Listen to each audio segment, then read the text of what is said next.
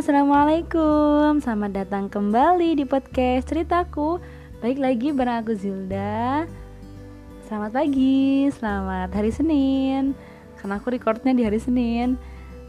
Selamat beraktivitas. Apa kabar teman-teman semua? Semoga sehat selalu ya dan semoga dimudahkan dalam segala urusan teman-teman. Amin.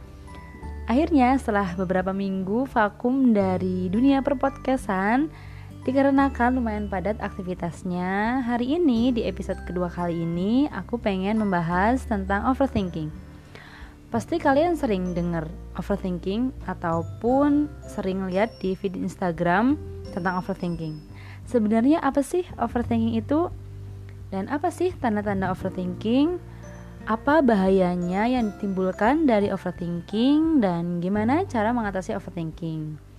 Oke, langsung aja kita bahas ya. Apa sih overthinking itu? Jadi, overthinking itu adalah memikirkan sesuatu secara berlebihan. Biasanya dipicu dari adanya kekhawatiran pada sesuatu hal, sesuatu yang sudah terjadi ataupun yang akan terjadi yang akhirnya bisa mengganggu kualitas hidup kita. Apa sih tanda-tanda overthinking itu? Jadi, tanda-tanda overthinking itu yang pertama, rasa cemas berlebih. Pernah gak sih kalian merasakan cemas yang berlebih? Dan cemas yang berlebih itu karena memikirkan sesuatu yang gak perlu. Kalau memang iya, mungkin kalian punya kebiasaan overthinking. Yang kedua, terlalu memikirkan perkataan orang. Dalam kehidupan sehari-hari, ini susah banget ya buat dihindari karena kita pasti ketemu orang banyak di setiap harinya. Mungkin ada beberapa dari mereka yang mengomentari hidup kalian. Selama komentarnya membangun sih nggak apa-apa. Tapi gimana kalau komentarnya negatif? Dan terus kalian pikirin perkataan mereka dan membuat kalian insecure. Kalau iya, berarti kalian punya kebiasaan overthinking. Yang ketiga, takut untuk memulai sesuatu. Kalau kalian takut untuk memulai sesuatu, entah takut karena jadi bahan omongan orang, sampai takut gagal, padahal kalian belum mencoba dan belum tahu gagal atau enggak, itu sih fix kalian overthinking. Apa sih bahayanya yang ditimbulkan dari overthinking ini?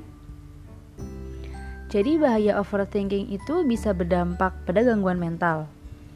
Terdapat sebuah studi yang diterbitkan oleh Journal of Abnormal Psychology yang mengatakan bahwa terlalu memikirkan kesalahan masa lalu bisa meningkatkan resiko gangguan mental.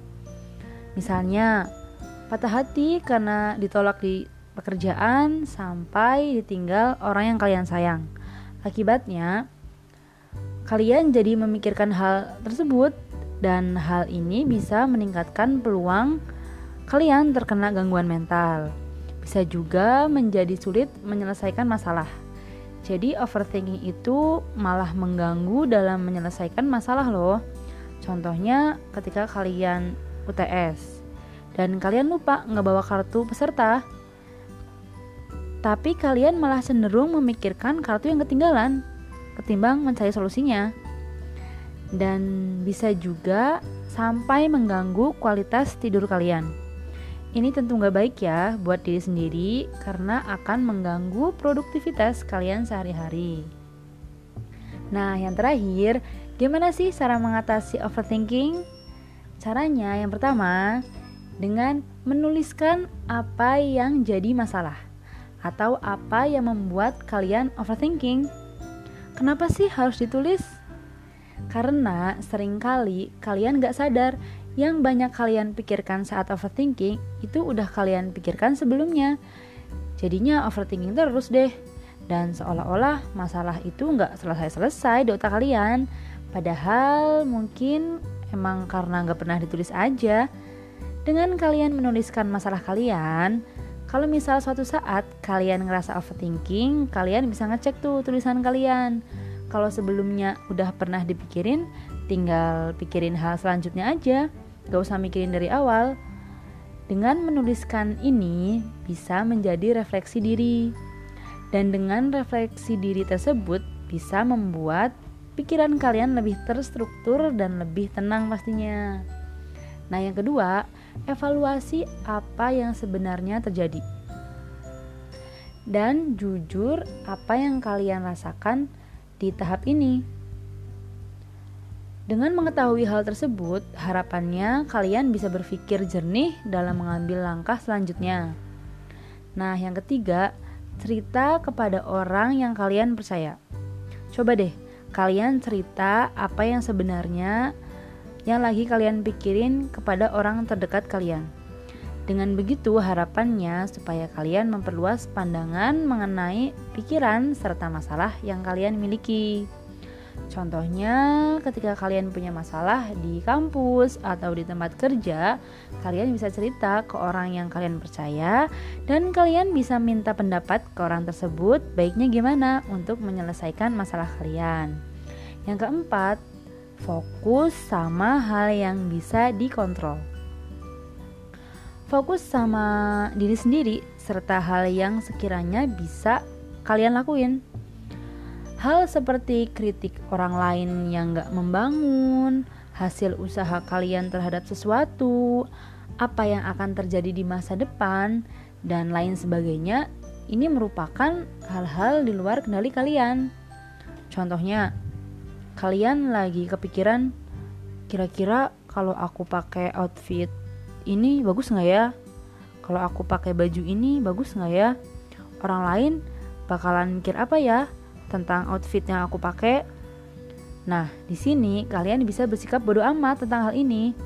Lewat kepercayaan diri kalian sama apa yang kalian lakuin, mau kalian pikirin pendapat orang lain terhadap outfit kalian nggak akan merubah persepsi mereka terkait apa yang kalian pakai. Kenapa?